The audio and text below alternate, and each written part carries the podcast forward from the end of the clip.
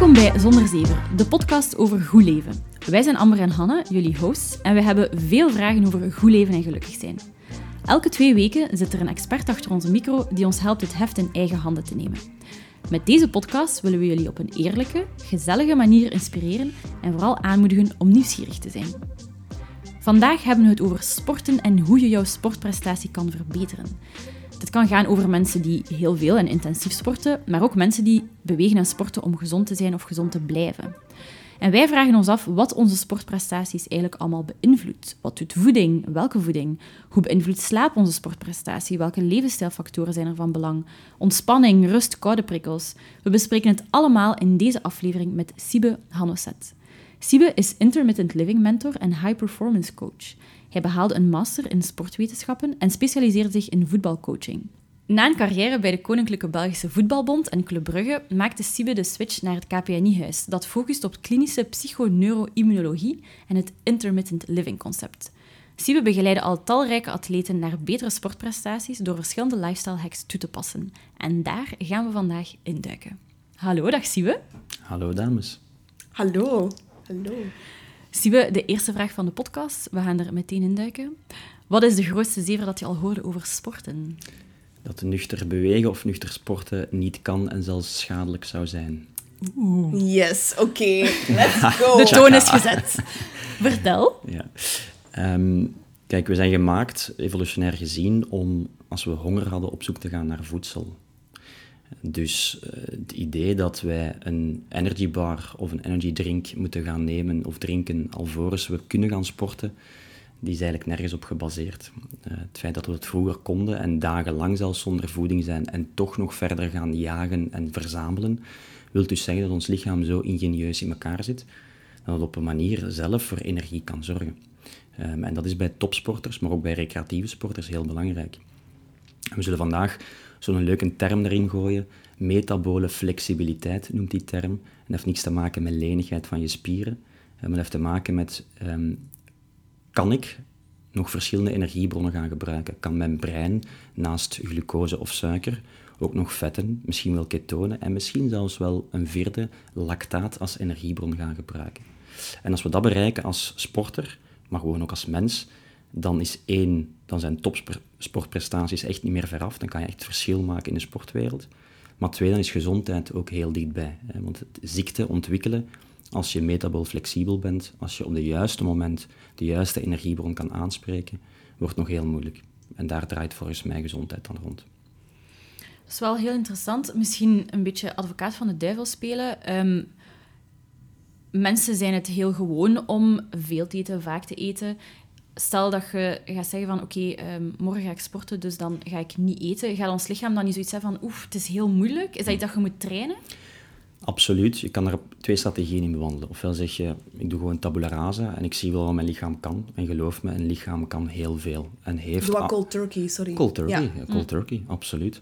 Uh, dat is wel iets waar ik wel van ben. Ik durf mm -hmm. soms wel een keer mijn limieten opzoeken en wel eens gewoon zien waar dat we eindigen. Um, maar dat is het aard van het beestje. En je kan even goed zeggen van oké, okay, ik ga dat geleidelijk aan, langzaam opbouwen, dat er minder ongemakken bij komen te kijken. Want de eerste keer dat ik nuchter trainde, herinner ik me nog heel goed, dat was een best pittige moment. Hè. Je wordt wat zwart voor de ogen, je kan wat duizelig worden, je hebt wat energietekort. Um, en dat is op dat moment alleen maar het bewijs dat je heel afhankelijk bent geworden van suikers als energiebron. Ja. Ja. En dat je dus net wat minder metabool flexibel bent. Um, dus wat je zou kunnen doen om het gezapiger en gematiger te gaan doen, is dat je een stukje eerst gaat kijken naar wat je eet. En ervoor zorgen dat je niet alleen maar die afhankelijkheid meer hebt van suikers. Dus dat je je brein eigenlijk al wat sterker en, en dominanter maakt door ook met andere energiebronnen te laten omgaan. Heel concreet, niet telkens je voeden met brood, pasta, rijst of aardappelen of van die snellere suikers en dan pas gaan sporten. Maar gewoon eens kijken van oké, als ik nu opsta s ochtends en ik eet bijvoorbeeld wat avocado met eieren en een stukje zalm, um, of ik eet een omelet of ik eet wat noten met wat uh, yoghurt bijvoorbeeld, kan ik ook met die uh, voedingsmiddelen mijn sportprestatie gaan leveren. Mm. Dus eerder kijken in het begin naar, kan ik mijn afhankelijkheid van suiker wat gaan verminderen, om dan misschien net iets minder moeizamer die overgang te leggen naar ja. nuchter bewegen ja. of nuchter sporten. Mm -hmm. okay. Dus eigenlijk heeft het, um, het niet meteen gaan eten een invloed op je metabole flexibiliteit. Ja, omdat als Onder je, andere ja, ja, ja, absoluut. De metabole flexibiliteit is dus gewoon van kan ik in elke omstandigheid de juiste energiebron mobiliseren op dat moment. En dat betekent, als ik niet gegeten heb, ik heb dus geen nieuwe suiker of energie binnengenomen, ehm, wat moet mijn lichaam dan gaan doen om mij toch Ja. van energie te voorzien? En dan moet het noodgedwongen gaan op zoek gaan naar andere energiebronnen. En dan kom je in de eerste fase bij vetten uit, Ja. daarna bij ketonen en misschien zelfs wel bij lactaat. En dus eigenlijk, als je dan zou beginnen trainen... ehm, dat, is iets, nee, dat is eigenlijk iets dat je moet trainen, toch? Want bijvoorbeeld, eh, er zijn veel mensen, ik kan me wel voorstellen, die zouden dan op een nuchtere maag gaan lopen en zeggen van oh, ik voel me mega slap, ik ga gelijk flauw vallen. Ik ga dat niet meer doen. Ja. Ja. Ik begeleid heel veel mensen, ook niet-sporters. Ehm, en elk leidersmomentje is eigenlijk ook gewoon het moment waarop er een nieuw gezondheidsprogramma ontwikkeld wordt. Dus Oké. soms zo'n keer je eigen tegenkomen is misschien wel de stap in de goede richting. Ja. Want de volgende keer weet uw lichaam en uw brein wel wat het moet gaan doen in die omstandigheden. Ja. Terwijl als ik bij elke appelflauwte tijdens het sporten meteen naar die druivensuiker grijp of naar die sportdrank grijp, ja, dan blijf ik lui. Dan ga ik mijn, mijn capaciteit niet trainen om om te gaan met die omstandigheden. Ehm, dus ja, het is een kwestie van trainen en het is een kwestie ook gewoon van de capaciteit die we hebben, die we kwijtgespeeld zijn, terug te gaan herwinnen. En dat is dan denk ik een gevolg van onze maatschappij waarin we leven op vandaag. Comfort maakt ons letterlijk zwakker en Ja. minder capabel om metabool flexibel te zijn. Ja. Oké. We gaan het zo meteen daar waarschijnlijk eh, dieper op in hebben. Eh, maar voordat we verder gaan, Siebe, ik vertelde dat je in het uh, KPNI-huis werkt. De, dat focust op klinische psychoneuroimmunologie, echt een mond vol. Um, kunt je misschien even kort toelichten wat dat, dat is? Dat is zo'n vier letterwoord, maar eigenlijk had dat een twintig letterwoord kunnen zijn. Het, het, komt erop neer dat we heel veel wetenschapsdomeinen samen gaan brengen. Uh, die gaan integreren met elkaar, heel multidisciplinair. En op die manier heel holistisch kunnen gaan kijken naar gezondheid, naar mensen, uh, naar individuen. Uh, om sportprestaties te verbeteren, maar evenzeer om mensen gewoon blessurevrij te houden en gezond te houden. En de, de KPNI, de klinische psychoneuroimmunologie, um, die zorgt er eigenlijk voor dat we um, niet naar symptomen gaan kijken, mm -hmm. um, maar naar de oorzaken gaan kijken en de oorzaken gaan opsporen. Als je bijvoorbeeld uh, hoofdpijn hebt, ja, dan wordt er al eens vaak een paracetamoltje genomen om die hoofdpijn op te lossen. Mm -hmm. Maar die hoofdpijn komt daarna waarschijnlijk wel eens terug. Dus uh, hoofdpijn is volgens mij geen tekort aan paracetamol. Dus wat doet de KPNI? De KPNI gaat kijken van waar komt die hoofdpijn. Ja. KPNI gaat kijken waarom is iemand na zoveel uh, wedtrainingen, looptrainingen geblesseerd. Waarom hervalt hij altijd in blessures? Waarom kan die niet sneller lopen dan 12 km per uur zonder overtrainingssyndromen te, te bekomen? Um, every injury is doomed to be cured, wordt er wel eens gezegd in de KPNI. Dat wil zeggen, ja. wij geloven er ook gewoon heilig in dat er voor altijd alles een oorzaak of oorzaken zijn. En de KPNI geeft dan heel veel tools, inzichten om in het menselijk lichaam te gaan kijken. En dan hebben we het inderdaad over het immuunsysteem. En als we kijken op vandaag, in die comfortmaatschappij, dat we de hele dag door eten, de hele dag door onafgebroken zitten, op drie keer per week gaan lopen na bijvoorbeeld, dan zijn er bijvoorbeeld al twee grote risicofactoren die het immuunsysteem chronisch kunnen verstoren en belasten. En dat ligt dan vaak aan de bron van ziekte en van blessures. Maar we gaan bijvoorbeeld ook kijken naar wat, wat er gebeurt met de psyche. Hoe zit het, ja. hoe zit het in je hoofd, letterlijk? Ja, hè? Zijn er onderliggende mm-hmm. overtuigingen, emoties, uh, frustraties, angsten, die ook kunnen zorgen voor blessures, die ook kunnen zorgen voor ziekte? Um, dus vandaag denk ik dat we het vaak gaan hebben over de mind en de body. En KPNI bundelt al die facetten en domeinen en gaat op die manier heel gericht te werk. Cool.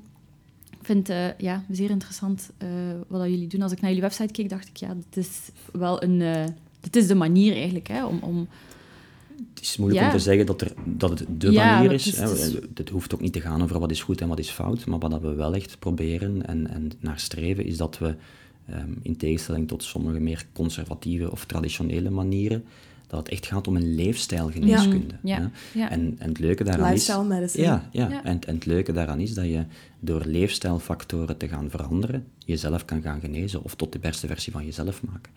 Um, en met KPNI, KPNI Belgium, dat is dan het opleidingsinstituut, leiden wij therapeuten op tot KPNI-therapeut. Ik ben daar zelf ook één van en intermittent living is dan mijn expertise. Mm-hmm. En daarnaast hebben we het KPNI-huis, dat is dan de praktijk waar wij de beste therapeuten onder één dak zetten, ja. om die KPNI-leer met mensen in de praktijk te gaan brengen. Dus leer de KPNI is één en beleef de KPNI is eigenlijk twee. Ja, interessant. Um, nu gaan we duiken in sport. um, ik ga het eigenlijk super breed trekken. wat beïnvloedt er eigenlijk het meest een sportprestatie? En dat gaat dan over een keer... Ik heb het dan eigenlijk niet direct per se over topsporters, maar mag ook. Maar ook Mhm. gewoon gaan lopen, ehm, ik weet niet, naar de fitness gaan, zwemmen, eh, Ja. al die zaken.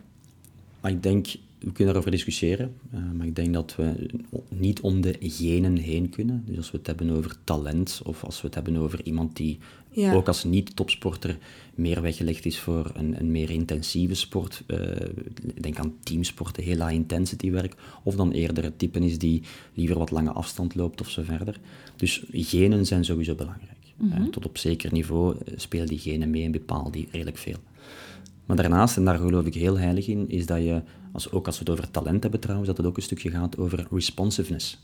Met andere woorden, wat is de capaciteit van iemand om, ehm, ja, om te gaan met verschillende omstandigheden?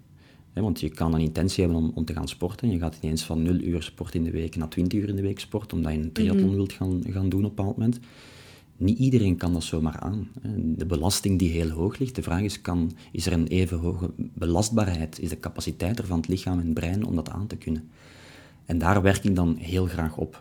En ook met mijn expertise, mijn, mijn inzichten in de intermittent living tools en die life hacks die je be- bes- beschreef daar straks, die vergroten die responsiveness, die, die vergroten de capaciteit om de juiste energie te mobiliseren. Om ervoor te zorgen dat je sportprestaties aan kan en dat je daar je doelen kan gaan nastreven.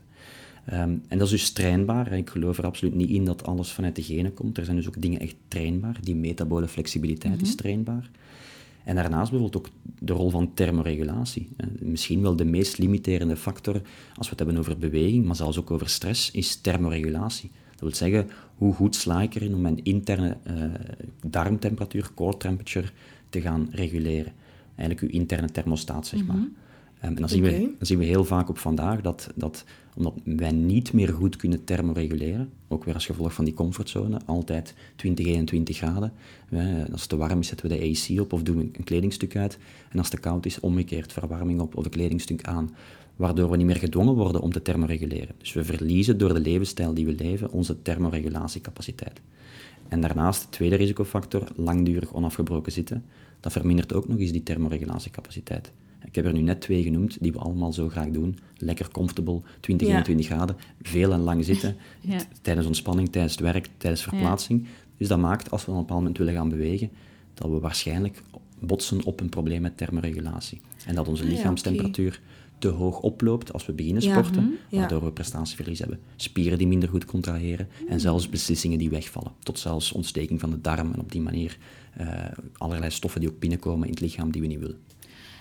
Kunt je een beetje uitbreiden over die Ja. thermoregulatie? Dus dat is... Ja, wat is het eigenlijk?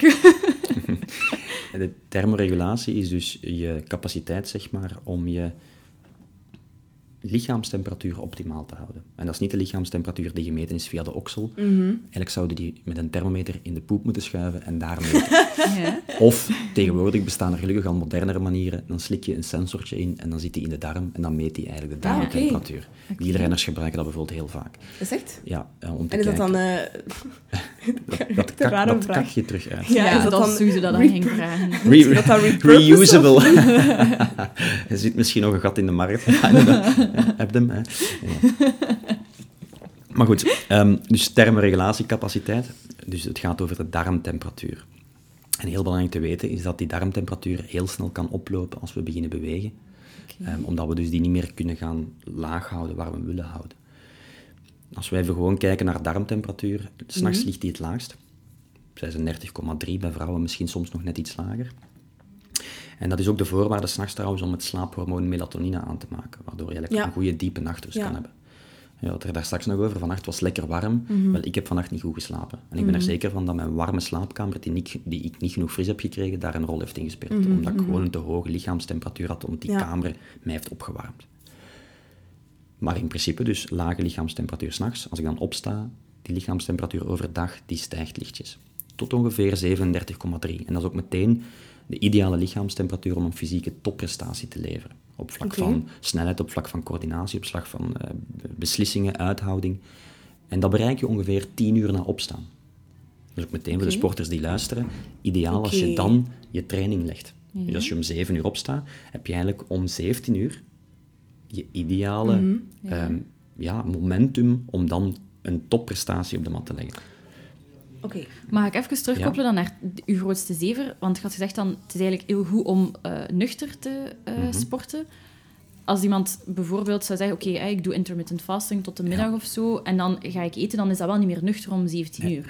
Ik heb het over de ideaal top, eh, fysieke topprestatie. Ja, ja, de vraag is, moet je op een training altijd je topprestatie op de mat leggen? Ja, ja, ja. Mijn, mijn filosofie is net van, ga training maar zo hard maken, zo moeilijk maken, in zoveel moeilijke omstandigheden, dat je waarschijnlijk niet je beste tijd gaat presteren op training, maar wel je beste tijd op wedstrijd gaat presteren. Want als ik op training zoveel verschillende omstandigheden heb gehad, van fysieke uitdagingen, koud, warm, wel gegeten, niet gegeten, met dorst trainen of zonder dorst, eh, letterlijk na een slechte nachtrust of na een goede nachtrust, op verschillende tijdstippen op een dag, dan mag op, op wedstrijddag komen wat er wilt, dan kan Ja. ik gewoon omgaan met die omstandigheden. Ja, en dat is een stukje die, die, dat, dat talent wat ik daar straks beschreef, als je erin slaagt om te trainen dat je met alle omstandigheden kan omgaan, metabol flexibel bent, bring it on Oké. dan. Maar dat is inderdaad topprestatie, dat is de top... Topsport, Ja, maar ook ja, voor jezelf. ja. Als je zegt van ik wil nu een keer echt, ik ben een marathon aan het voorbereiden en ik wil echt mijn vertrouwen, mijn laatste fase ingaan richting die marathon, ga dan gerust een keer om, om vijf, zes uur trainen. Als Ja. je om, om zes, zeven uur zoiets opstaat, dan weet je gewoon van ik ga straks echt een mooie tijd lopen. Ah, oké. Ehm, en komen we terug op thermoregulatie. Dus als die lichaamstemperatuur 37,3 is, dan lever je een fysieke topprestatie. Maar als die lichaamstemperatuur, doordat je begint te sporten, vrij snel oploopt, omdat je niet goed kan downreguleren naar 38,5 en daarover, dan gaan spieren minder goed gecontraheerd worden. Dus je hebt letterlijk minder goede spierbeïnvloeding. Dus je, gaat door de mand vallen. En dan heb je ook al eens gezien dat een marathonloper voor de finishlijn zo neervalt en letterlijk niet meer kan strompelen over de, over de meet. En als die lichaamstemperatuur nog hoger oploopt tijdens een fysieke inspanning, naar bijvoorbeeld 39,3, dan spreken we zelfs van een neuronale coma. Dat wil zeggen, je bent niet in een permanente coma, gelukkig, maar je beslissingen vallen gewoon weg. Dus je kunt gewoon geen goede beslissingen meer nemen op dat moment. Ja. En u, we spreken op dat moment zelfs ook van een endotoxemie. Dat is nog zo'n mooi woord. En dat is eigenlijk de darm die gewoon puur ontstoken zit. Dus een darm die, die, die barrières gaan open, en dan kunnen gewoon giftige toxines binnenkomen in die darm. Oh. Dus je zit volledig met een ontstoken darm. En dat is als je aan het sporten bent niet hetgeen wat je wilt. Want dat is onmiddellijk prestatieverlies. En kan iemand aan die 38, 39 graden komen? Gewoon bijvoorbeeld, ja, eh, Amber en ik, we gaan zo meteen eens gaan lopen. eh, we kunnen Ja. daar perfect aankomen. Als jij één de hele dag door zit en vandaag gezeten hebt en het is bijvoorbeeld wat warmer buiten, en Dan kan dat. dan kan dat absoluut. Eh, Ja. natuurlijk niet na een kwartier wandelen. Ja, je ja. Mhm, moet dan echt al een doorgedreven training zetten. En meestal is de combinatie vooral van een hete omgeving. Hè. Dus bij, als je op het moment in de lunch, gisteren in de lunchpauze was gaan lopen, dan moest je bij 27, 28 graden gaan lopen, de zon op je kop. Eh, als je dan bijvoorbeeld niet genoeg gehydrateerd bent en je hebt bijvoorbeeld wat minder goed geslapen en je hebt eh, de afgelopen weken niet anders gedaan dan op je gat gezeten, dan is de kans groot dat je waarschijnlijk te snel oververhit geraakt. Ja. En hoe ga je dat zelf merken? Gewoon dat, het, dat je niet vooruit komt. Dat je zware benen hebt, dat is waarschijnlijk het eerste dat je gaat voelen. En dan zeggen ze wel eens, ja, eh, onlangs nog Remco Evenepoel bijvoorbeeld, die zei van, ja, ik kwam vandaag niet vooruit, ik had zware benen, ik had geen goede benen. Ja, de vraag is, aan wat ligt dat? En dan gaan wij binnen de KPNI kijken van, wat is die oorzaak daarvan? Misschien is zijn thermoregulatiecapaciteit niet optimaal. Ja. En kunnen we bijvoorbeeld aan de slag gaan met het, het installeren van hitteprikkels, waardoor hij terug beter kan gaan, Ja. eh, kan gaan thermoreguleren. Want dat ging mijn volgende vraag zijn. Hoe kun je ervoor zorgen dat je dat beter kunt en dat je je temperatuur kunt verlagen van je darmen? Twee dingen. Eén, vaker op een dag bewegen. Dus ik wil hier van ook wel eens ijveren voor het feit dat eh, 150 minuten per week bewegen niet voldoende is. Dat is wat de Wereldgezondheidsorganisatie adviseert. Na coronapandemie zeggen ze al, ga maar eerder naar de 300, omdat ze gezien hebben dat sedentary behavior eh, of zitgedrag en dus fysiek niet in orde zijn, de kans op strong of severe COVID-symptomen vergroten. Dus men zegt van, ga maar meer dan 150 minuten per week gaan bewegen. Maar dat is niet voldoende. Als jij een zittend beroep hebt en je zit de ganse dag op je gat, dan verlies je daar niet alleen je thermoregulatiecapaciteit mee, je wordt heel temperatuurgevoelig. Dus je gaat met minst dat het buiten wat warmer wordt heel nefast daarop reageren. Je gaat ook nog eens je insulinegevoeligheid verslechteren. En dagzitten zorgt voor een verminderde insulinegevoeligheid. Insuline is, het hormoon, insuline is het hormoon dat je bloedglucosespiegel moet normaliseren. Een voorwaarde om gezond te zijn en een voorwaarde om goede prestaties, sportprestaties te leveren. Twee uur zitten verlaagt of verslechtert al uw cholesterolwaarde. En ik kan nog wel even doorgaan. Dus om maar te zeggen dat zitgedrag, wat dat we allemaal doen op vandaag, doen we het niet in ons job, doen we het als we ontspannen of doen we het als we ons verplaatsen, misschien wel een van de belangrijkste risicofactoren of oorzaken is waarom we heel temperatuurgevoelig zijn geworden en waarom we dus snel oververhit geraken bij het sporten of bij het bewegen. Ja. Dus het advies daar zou zijn, ga er geregeld overdag bovenop je 150 minuten beweging of sport per week, ga geregeld per dag je zittijd onderbreken, waardoor je letterlijk opnieuw even eh, nieuw bloed door de hersenen en de spieren pompt en jezelf letterlijk uit die winterslaap haalt. Ja. Mag ik dat heel praktisch maken? Wat, wat wil Ja. dat dan zeggen? Recht staan en een keer 500 stappen zetten? Of... Dat is misschien net niet genoeg. Dat zou wel een fantastische stap zijn als je nooit recht Ja. staat. Maar eigenlijk gaat het om een activiteit die de hartslag voldoende verhoogt. Dat betekent voor sommige mensen die heel sedentair zijn, één keer de trap op en af gaan. En voor mensen die iets fitter zijn en die ook al wat meer met sport bezig zijn, betekent dat misschien 20 push-ups doen. Of drie keer de trap op en af lopen. Of 50 squats doen of, of 100 keer uit je stoel recht staan en zitten terwijl dat je met Ja. een kaal bezig bent. Dus niet Dus gewoon wandelen, is- maar ja. Hartslag is hartslag Ja, hartslag. En dan moet je geen tracker voor hebben. Ja, dat ja. kan je gewoon voelen. Hartslag gaat omhoog, mijn ademhaling Ja, ja, versnelt. Het Ja. wordt moeilijker om te praten. En idealiter doe je dat één keer per uur. Ja, Tijdens je dat is wat Paul van Ja, den Bos ook zegt. voilà. Hè. Ben ik, Eén keer blij, per uur. ben ik blij dat hij het ook al gezegd heeft. Ja, ja, Voilà. ja. En, het daar scoren wij dus- slecht op, hè, Hanna? Maar ja, zoals iedereen, sorry. Maar onze, onze werkomgeving zijn er totaal niet Nee, op afgestemd. totaal Voilà. niet. Ik ben blij dat je het aanhaalt, hè, want het is ook geen slechte wil. Het is op vandaag normaler om op je stoel te zitten en te zwijgen, dat zeggen we van jongs af aan tegen ons kinderen, dan dat we mogen bewegen. En daar klopt niks van, want we zijn fysiologisch, evolutionair gezien, niet gemaakt om stil te zitten. We zijn gemaakt om te bewegen. Ja. En dat wil niet zeggen dat je een ganse dag moet gaan sporten, dat zou misschien te veel van het goede zijn, maar wel geregeld die zittijd onderbreken. Op een creatieve manier, zet het desnoods je favoriete schijf op en ga je eens twee minuten uit een bol samen. Ehm, maar er moet een andere cultuur komen, daar heb je 100% Ja. gelijk in. Ja. ja, ik denk, in heel veel bedrijven is het inderdaad zo dat er... Allee, als je ziet ehm, dat mensen achter een bureau eten, eten terwijl dat ze aan het werken zijn, van s morgens vroeg tot s avonds Ja, laat in meetings zitten, ononderbroken. eigenlijk, Binnen heel de dag. bevraagd worden om, om, om eigenlijk op die stoel te blijven zitten. Ja, Maar- stel mij daar ook vragen bij. En daar heb je dus wat je net aan hebt gehaald in twee zinnen gezegd, dat wij zodanig blootgesteld zijn aan chronische stressoren op vandaag.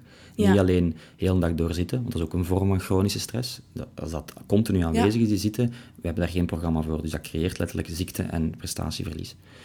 Eh, eten aan de bureau en vaak zonder dat beseffen de hele dag door, want we eten een koekje van dat en een stukje fruit daar en dat. Ook dat is een vorm van chronische stress. En we nemen de tijd niet om rustig te eten, dus dat is ook nog eens een vorm van chronische stress. We krijgen de ene mail en app, eh, e-mail Ja, en app binnen, ook nog eens een vorm van chronische stress. Dus we worden letterlijk geleefd. Ja, We zitten in die red race, dat wordt vaak gedropt, maar dat is ook gewoon Ja. zo. En dat beïnvloedt niet alleen onze staat van zijn, we, we staan continu aan, we zijn gejaagd, we, maar dat, dat verlaagt ook onze energie, dat verlaagt onze focus, dat vermindert slaap, om nog maar te zwijgen van wat er achter de schermen op dat moment aan het gebeuren is. Insulineresistentie die je creëert, een laaggradig ontstoken immuunsysteem, dat ligt gewoon aan de basis van alle chronische ziekten die we kennen op vandaag. Daarom is het ook zo belangrijk, en dat, daar streef ik naar, het gaat om bewustzijn vergroten, dat hoe dat we leven op vandaag gewoon echt ons letterlijk ziek aan het maken is. Ja. En dat we met meerdere dingen moeten rekenen houden dan enkel met voeding of enkel met slaap. Of... Ja, en ik ben er ook van overtuigd, om zo nog even door te gaan op zo de cultuur, dat we zo echt keiveel zitten. Ik ben er ook rotsvast van overtuigd, ik heb de science niet, maar rotsvast van overtuigd dat als, als we bijvoorbeeld zouden zeggen, wij bieden het 50 minuten en 10 minuten gaan we eens goed ons hart laten pompen, dat wij tonnen productiever zouden Natuurlijk, zijn. natuurlijk. Eh, De, de inspanning leveren om twee minuten per uur te bewegen, levert u in plaats van tien uur eh, zo werken, levert u waarschijnlijk Mm. op zes uur dezelfde eh, werkload op. Ja, Maar het gaat opnieuw om bewustzijn en tweede Ja. actie aan koppelen. Eh, Mhm. dus ja. Ja, dat was één, hè, om u... ehm, Dat was ene. En eh, de tweede die we kunnen gaan inzetten om de thermoregulatiecapaciteit te verbeteren, is gewoon om aan de slag te gaan met koude en hitteprikkels. ja. Ja. En dan voornamelijk met hitteprikkels, zeker nu ook. Hè. Als je wilt voorbereid zijn op de zomer en op warme temperaturen, om daarin te sporten of gewoon te functioneren überhaupt, ja. dan wil je gewoon aan de slag gaan met hitteprikkels. En dan ben je eigenlijk nu al te laat, als ik eerlijk ben, dan had je moeten beginnen in de lente. Maar het is nooit te laat, dus begin vandaag en dan ga je nog altijd het voordeel hebben. Dat betekent letterlijk aan de slag gaan met eh, geregeld een sauna nemen. Ehm, je kan daar ver in gaan. Hè. Je kan eerst een uur intensief trainen en daarna Ja. nog de sauna ingaan om je echt te dwingen tot die thermoregulatie. Want je bent door intensief trainen is die lichaamstemperatuur al hoger en dan ga je meteen daar aan de sauna in. Dus dan moet je lichaam wel naar oplossingen God. zoeken. Niet van je stokje gevallen? Klinkt als Nee, maar kijk, het, het gaat erom, ehm, je hoeft niet altijd in extreme te denken. Ja. Ehm, je kan het heel extreem maken. En als ik met mijn topsporters zei, onlangs nog naar, naar Dardenne ging om daar een trainingstage te doen met mijn voetballers, dan gaan wij in de sauna sporten. Amai. En dat is niet voor iedereen weggelegd. En dat is ook zo hot yoga en zo. Wel, voilà, dat is, een mooi voorbeeld. Mooi Ja, voorbeeld. Hot yoga is Bikram yoga, of dus yoga in de hitte, bij 40, 45 graden. In Gent heb je er zo een, bij de Nederkouder. Ehm, dat doe ik wel eens graag, want dat is letterlijk yoga doen. Ehm, Misschien moeten we nog eens dus- proberen. ja, een keer doen. absoluut. Ja. Kijk, ja, gaan we dat doen? Ja, we gaan dat het, doen. het, het is niet alleen bewustzijn, bezig zijn met je lichaam, yoga. Ehm, het is niet alleen bezig zijn met ademhaling, want je gaat er ook ademen op een manier. Mhm. Ehm, het is niet alleen bewust bezig zijn met je thermoregulatiecapaciteit, want je gaat in de hitte sporten, dus je dwingt je thermoregulatiecapaciteit, je traint die. Maar voor mij heeft het nog een bijkomend voordeel, dat is dat je op dat moment, als je het goed aanpakt en je gaat bijvoorbeeld ook eens een uurtje niet drinken en goed lekker zweten, dat je zoveel oxytocine vrijzet, dat je daarna gewoon buiten komt als een nieuw mens. Je voelt, je, zo, je, hebt geen, je voelt geen stress meer, je voelt je zo ontspannen en relaxed. En je hebt gewoon een perfecte start van de week, want ik doe dat meestal op zondag, zondagochtend. En dan heb ik zoiets van, oké, Amai, cool. laat maar komen. Ja. Ik heb een vraag daarbij. Want je hebt ehm, mensen die slecht thermoregulatie... Thermoreguleren, ja. Ja, of slecht thermoreguleren. Hoe weet je dat je dat hebt? Want bijvoorbeeld, ik kan heel slecht tegen warme temperaturen. Zet mij in de sauna en na een minuut zeg ik... "Ugh", dan. ja. Is dat een symptoom daarvan? Dat kan. Ja, nee, dat kan. Nee, goed, eh, meestal weet je dat van jezelf wel. Ehm, je hebt me- meestal mensen die ofwel zeggen van, geef mij maar koude, geef mij maar een koude douche. Ik vind dat fantastisch. En in de winter, ik leef echt op in de winter. En bij mensen die het net omgekeerd is. En dat zal waarschijnlijk al een eerste indicatie zijn van, hoe goed kan jij naar boven thermoregelen of naar onder. Mijn advies zou zijn, ga met beide aan de slag. Dus ook met koude prikkels. Ja. Als jij je wilt voorbereiden op de winter en daar je lichaamstemperatuur optimaal houden, ja, dan wil je in de herfst ook al starten met koude prikkels. En eigenlijk gewoon het hele jaar door koude en hitteprikkels doen. Dat zou het beste zijn. Dat betekent een ijskoude douche nemen, of tenminste toch al eens koud afdouchen. Omgekeerd ook heet afdouchen, hè, want dat is dan die hitteprikkel. Ehm, je gaat in de winter eens wat schaarser buiten gaan sporten.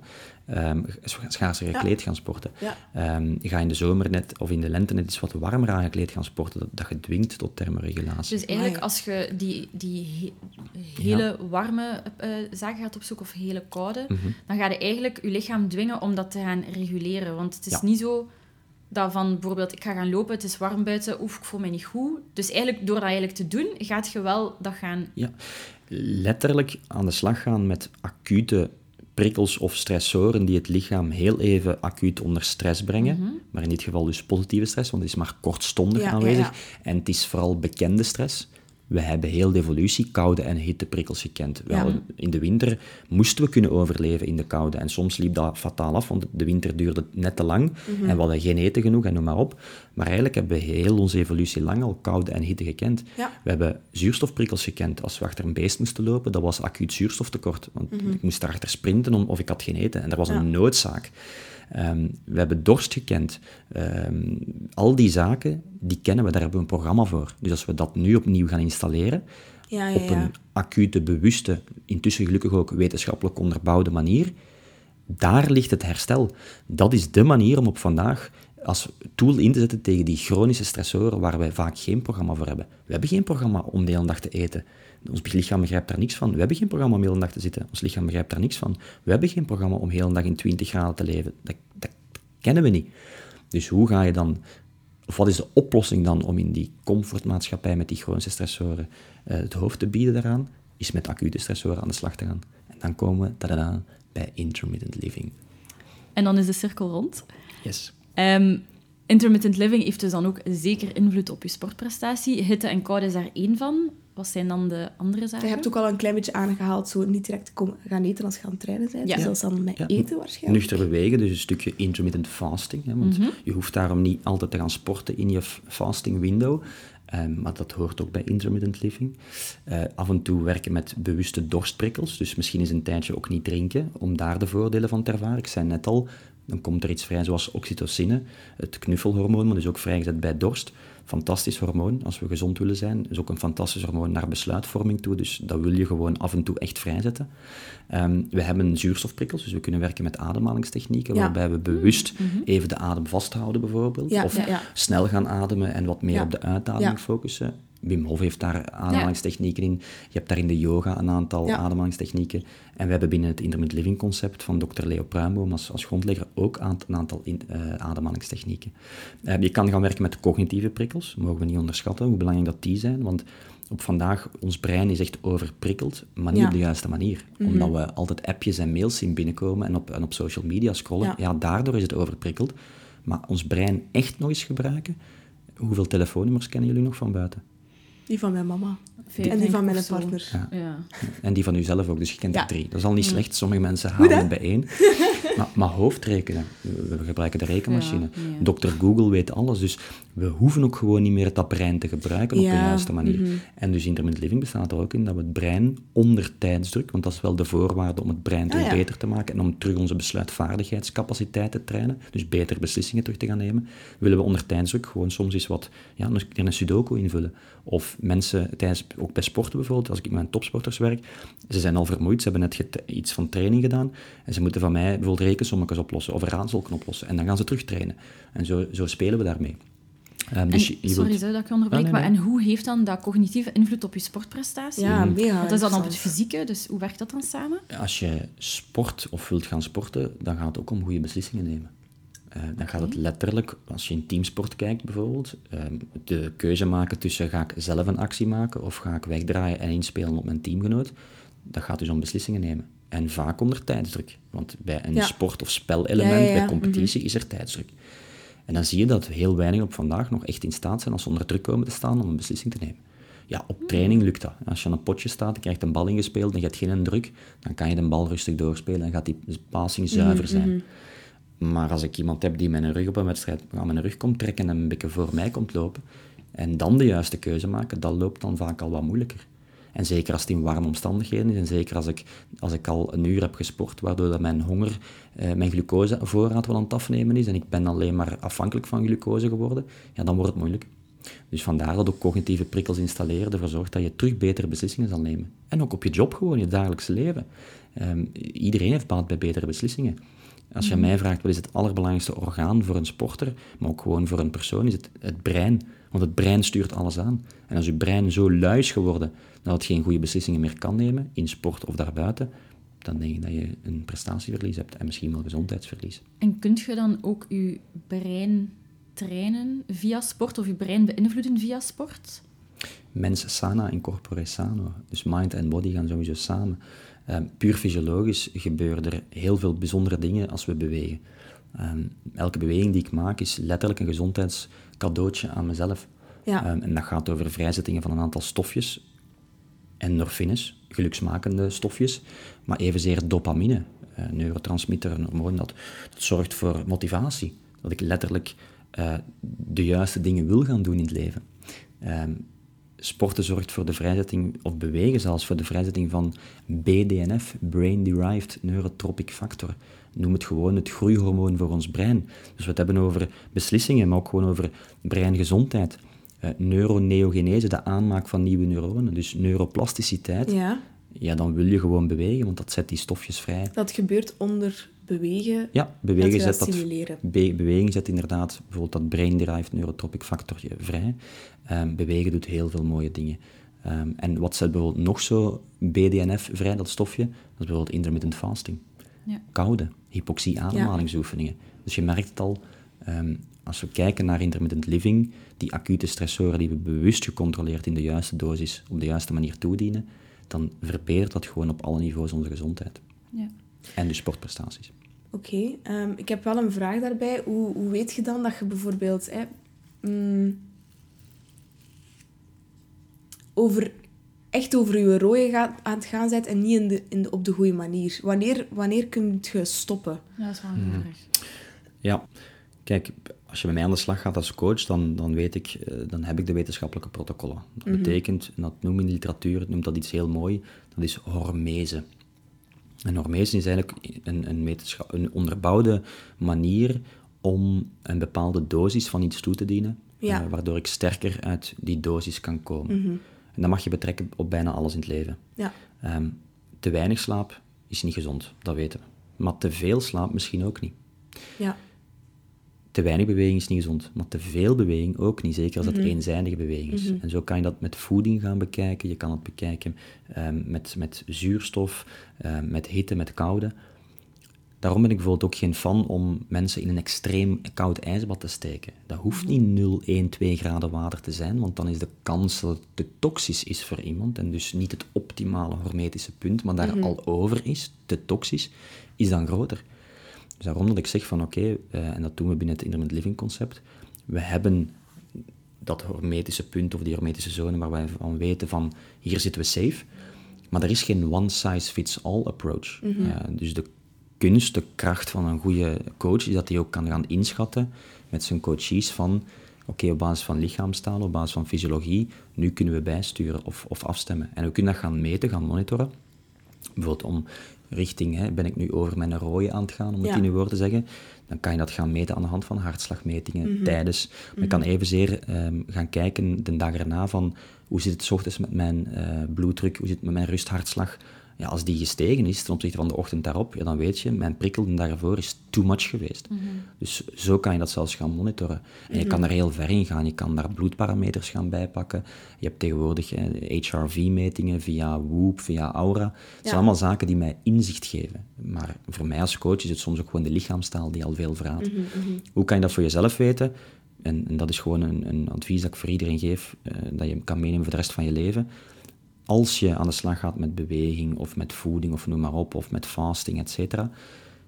Ja, het is oké om binnen een bepaalde comfortzone te blijven, maar voor mij ligt groei wel Ja. uit de comfortzone. Dus dat je het af en toe toch die weerstand opzoekt en net even door eh, die weerstand gaat, dat maakt je misschien wel letterlijk echt gezond op vandaag. En dat maakt er dan voor dat je een stukje meer terug homo sapiens wordt, volgens mij. Ja, ik ben 100% mee. Ik denk dat dat vooral ook is van... ey, stel dat ik bijvoorbeeld iemand ben en, en ik luister en ik denk... Ja, oké. Ja. Die mens heeft gezegd dat we niet meer moeten drinken. Uppla, ik ga drie dagen niet meer drinken. Ja. Zo, dat. Ja. Ja, doe... Ja, idealiter kan ik dat, ga ik per intermittent living tool aangeven wat is de juiste dosis, hoe doe je. Ja, dat. ja, daarvoor Sure. zou ik zeggen, koop binnenkort mijn boek dat in de rekken ligt. Ah, Eh, Fantastisch. Is het Voilà. primeur? Of is eh, het is al eens gedropt geweest, eh, maar, maar inderdaad, in november, in samenwerking met Borgerhoff en Lambrits, zal Ah, cool. Top, boek... top. En is er al een titel? En er is zeker al een titel, eh, en die kan ik misschien wel droppen in primeur. Ja?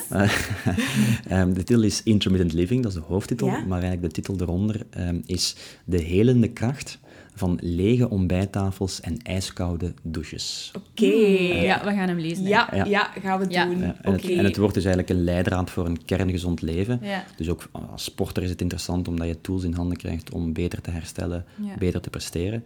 Maar ook gewoon als sterveling, zoals jij, jij en ik, gewoon weten van oké, hoe kan ik die beste versie van mezelf worden? Mhm. Ja, Eh, Ja, absoluut. Dus daarin ga je heel wat meer terugvinden.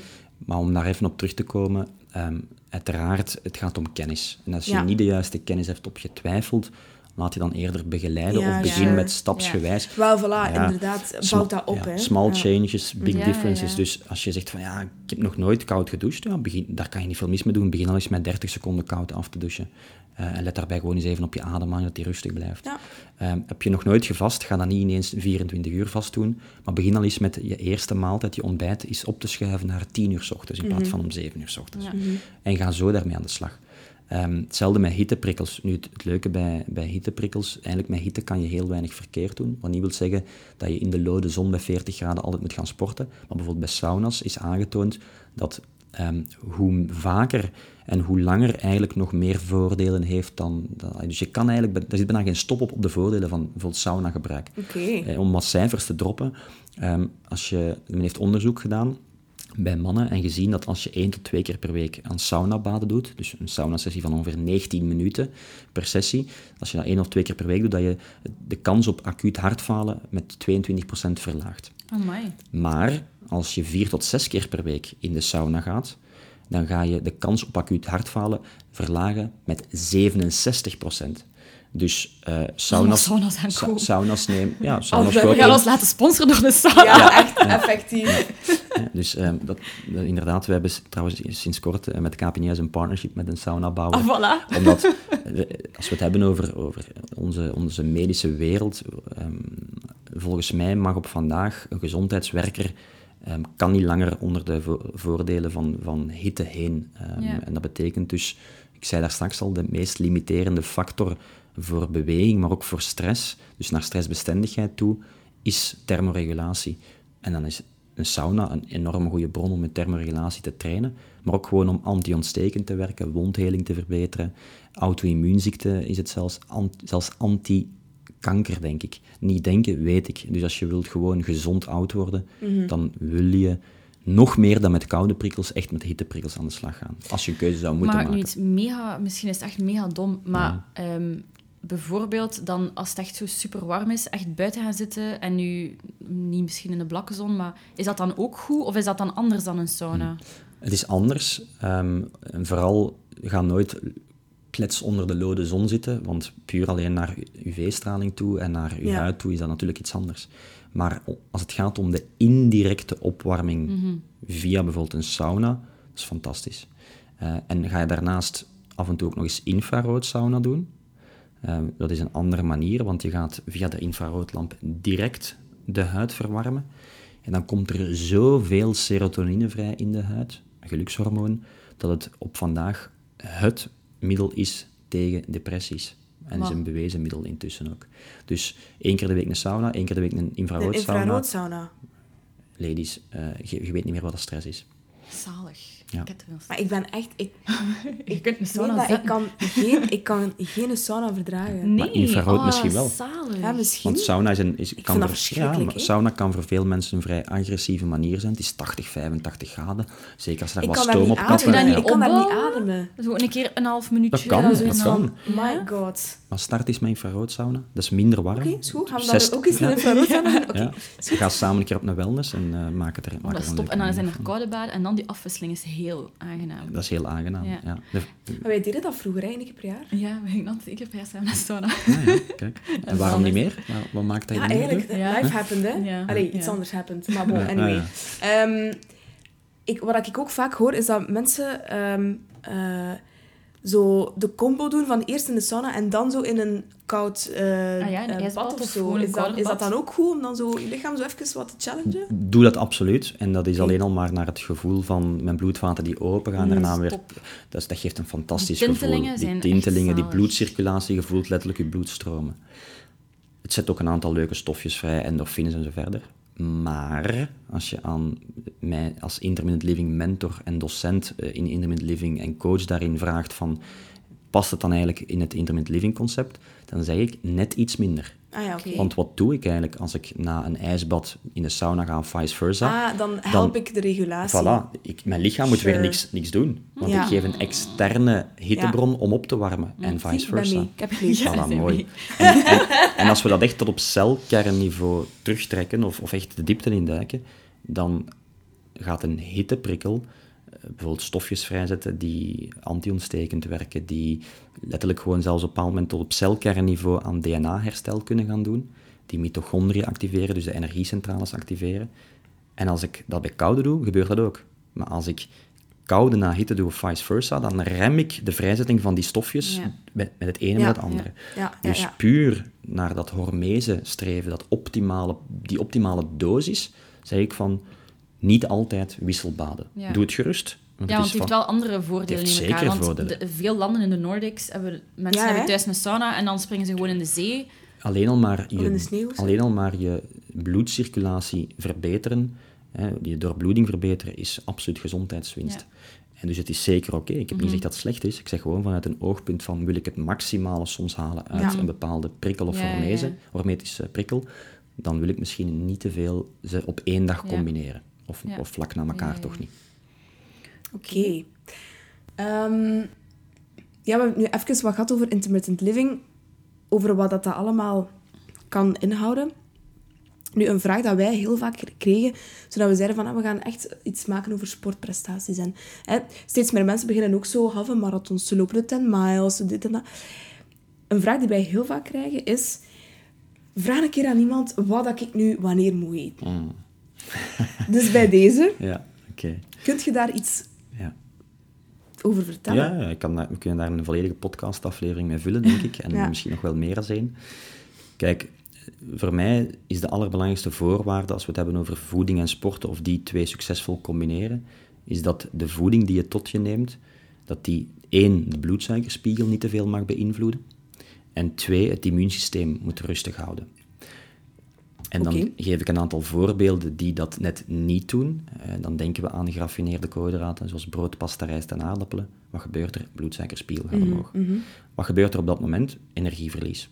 Ik zei net al dat als je optimaal wilt presteren, dan wil je een brein hebben dat optimaal doorbloed is, optimaal kan domineren. En als mijn lichaam moet bezig zijn met een bloedglucosepiek te gaan reguleren of normaliseren, dan kan ik niet 100% energie naar mijn brein sturen. Dus denk ook maar aan snelle suikers en doe nog een energy gelletje erin jassen. Dat is misschien niet de beste keuze in functie van het stabiel houden van de bloedsuikerspiegel. Dus zijn dat dan ook zo van die speciale bars dat dan verkocht worden? Zo van, eh, even zo wat Ja, energie... bijtanken. Ja. ja. Ik denk dat we zelfs even kunnen de diepte ingaan of toewijden over wat moet ik dan eten. Of moet ik dan eten tijdens een sportprestatie ja. en wat dan? Ja. Laten we nu gewoon even algemeen houden. Het gaat erom, na voeding, voor, tijdens, na, wil ik nooit dat die bloedsuikerspiegel te hoog oploopt. Ja. En twee, zei ik het, Sorry, is dat dan ook met eh, bijvoorbeeld eh, gedroogde vijgen en, Ja. en noten en zo? fruit, sowieso in fruit zit fructose. Mhm. En fructose is een vorm van suiker. Dus het kan de bloedsuikerspiegel, het zal de bloedsuikerspiegel beïnvloeden. Nu, er is een verschil tussen een appel eten, waar minder dan 10% fructose in zit per de appel Ja. die je eet, of tussen appelsap met 59% fructose. Appelsap Ja, of de drinken, of zo, Ja, ap- appelsap drinken is letterlijk een piek in je bloedsuikerspiegel. Mhm, Dus gedroogd fruit heeft ook al wel het risico dat je wel iets gaat beïnvloeden. Mhm. Daarom dat wij adviseren om dat uit te balanceren met vetten bijvoorbeeld. Als je een naked bar neemt, waarin dat en dadels zitten gedroogd, maar ook bijvoorbeeld cashewnoten, dan heb je via die noten vetten die dan eigenlijk de fructosepiek uitbalanceren, waardoor het misschien wel een mooie voedingsmiddel wordt Mhm. om tijdens een sportprestatie te gaan gebruiken.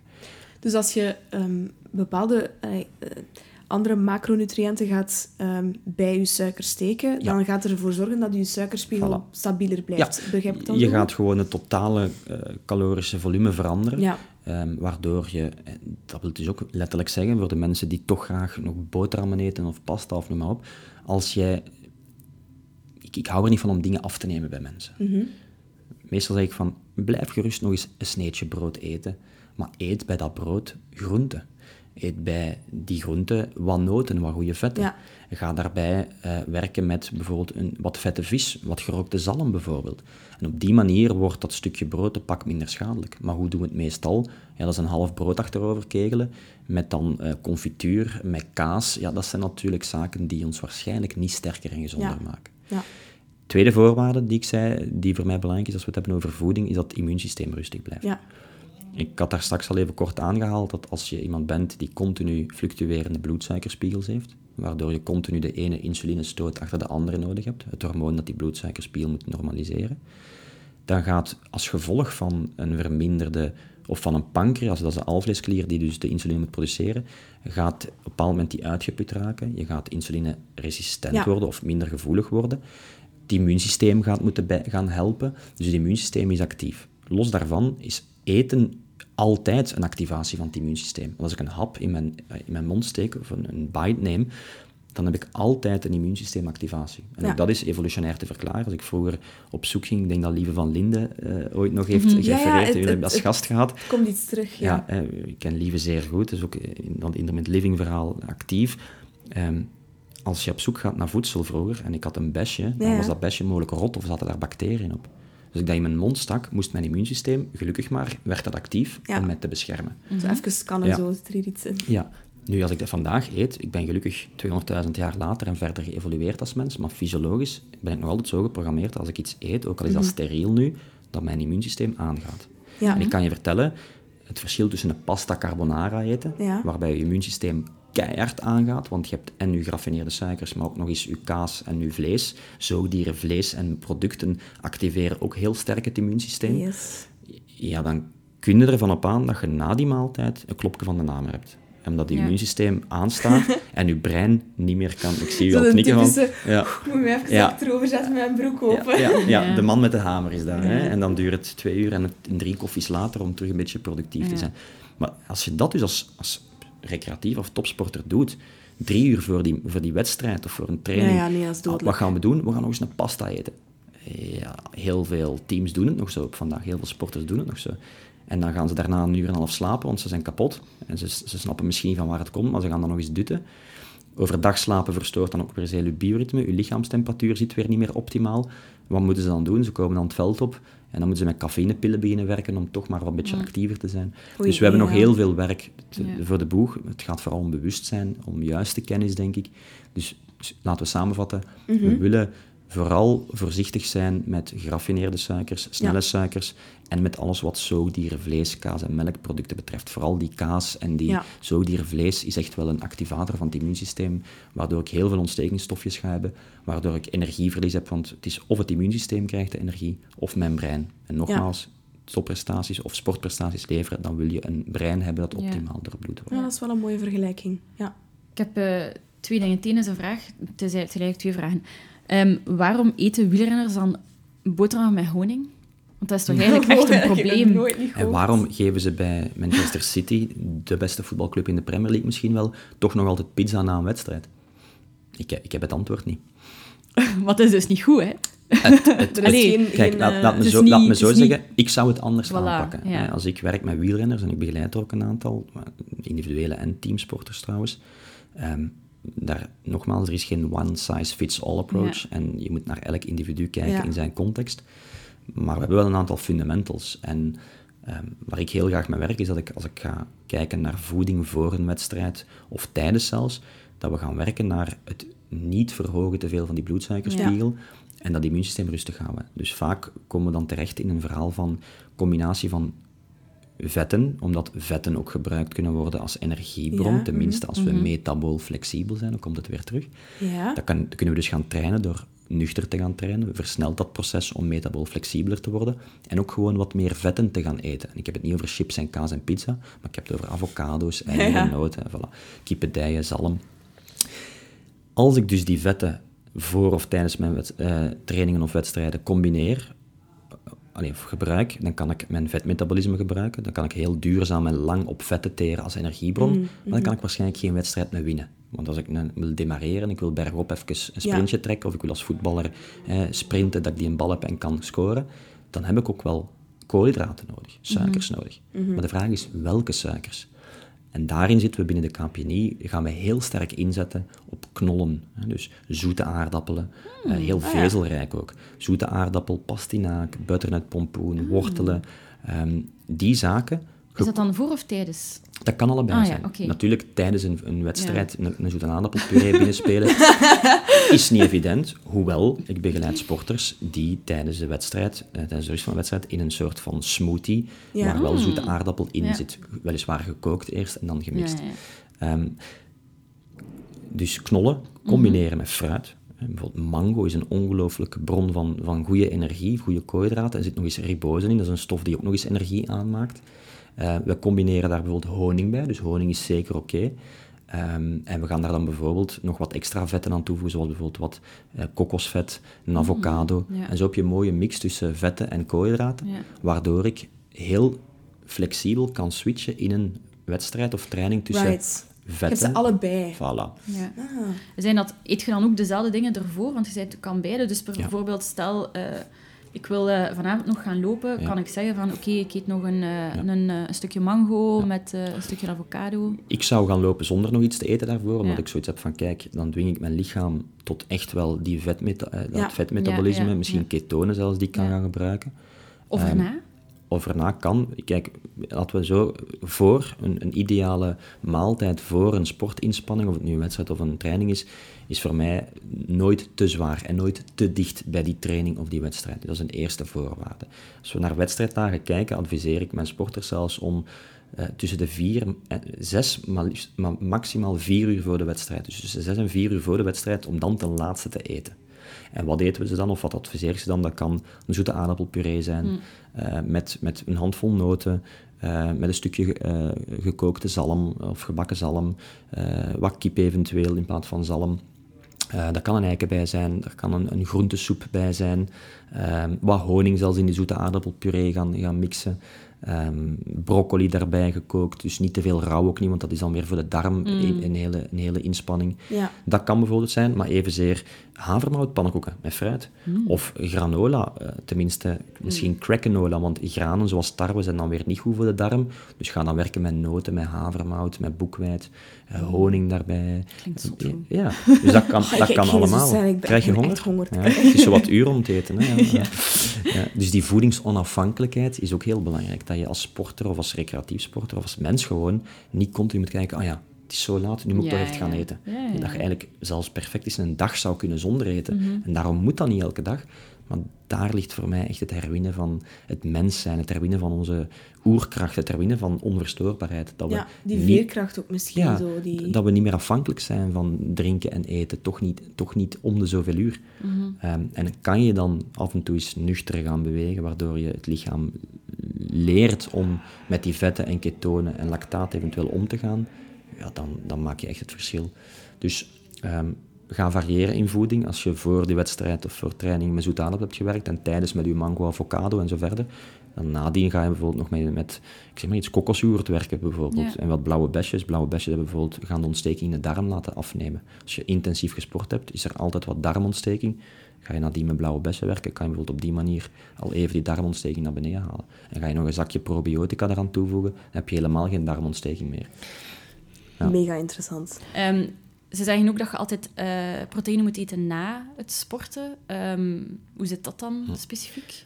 Eh, proteïne of eiwitten, voor de mensen die luisteren. Ehm, kijk, spieren zijn opgebouwd uit eiwitten. Dus ja, er zit zeker een waarheid in dat je na het sporten, je hebt je spieren belast, je hebt waarschijnlijk zelfs wat spierschade opgelopen, dat je dan eiwitten wilt geven aan je lichaam, dat die spieren kunnen herstellen. Dat klopt.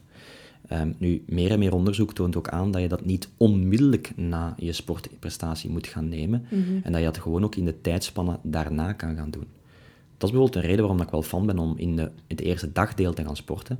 Dat je nog genoeg tijd hebt die dag om in je food window, als je zelfs wat zou willen vasten, toch voldoende eiwitten tot je kan nemen in twee, drie maaltijden. Dus je hoeft ook niet meteen na dat sporten drie, vier eiwitshakes naar binnen te kappen om te denken, ah, nu moet ik herstellen en als het nu niet kan, dan herstel ik nooit. Nee, het gaat om die dagbasis, dus Ja. in het window daarop. Dus ja, eiwitten zijn belangrijk, maar nu ga ik iets vertellen waar misschien heel weinig mensen rekening mee houden.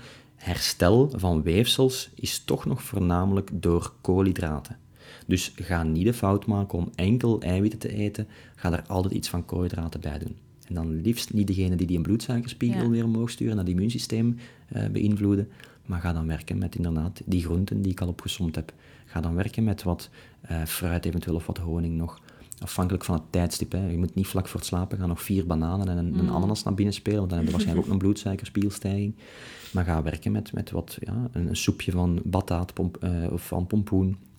Ga daar nog wat gekookte eh, raapjes bij eten of wat asperges. Ja. Op die manier. En dan Ja. dus wat, wat eiwitjes via vis, eitjes. Ja. Dan zit je prima, denk ik. Maar dus eigenlijk, als ik het goed begrijp, dan is het eigenlijk zowel voor als na en tijdens als je bijvoorbeeld lange duursporten doet, is eh, eigenlijk die kolen, die knollen, ehm, het is eigenlijk allemaal een beetje gelijk. Het is niet zo van, zorg dat je zeker dit niet eet voordat je gaat lopen.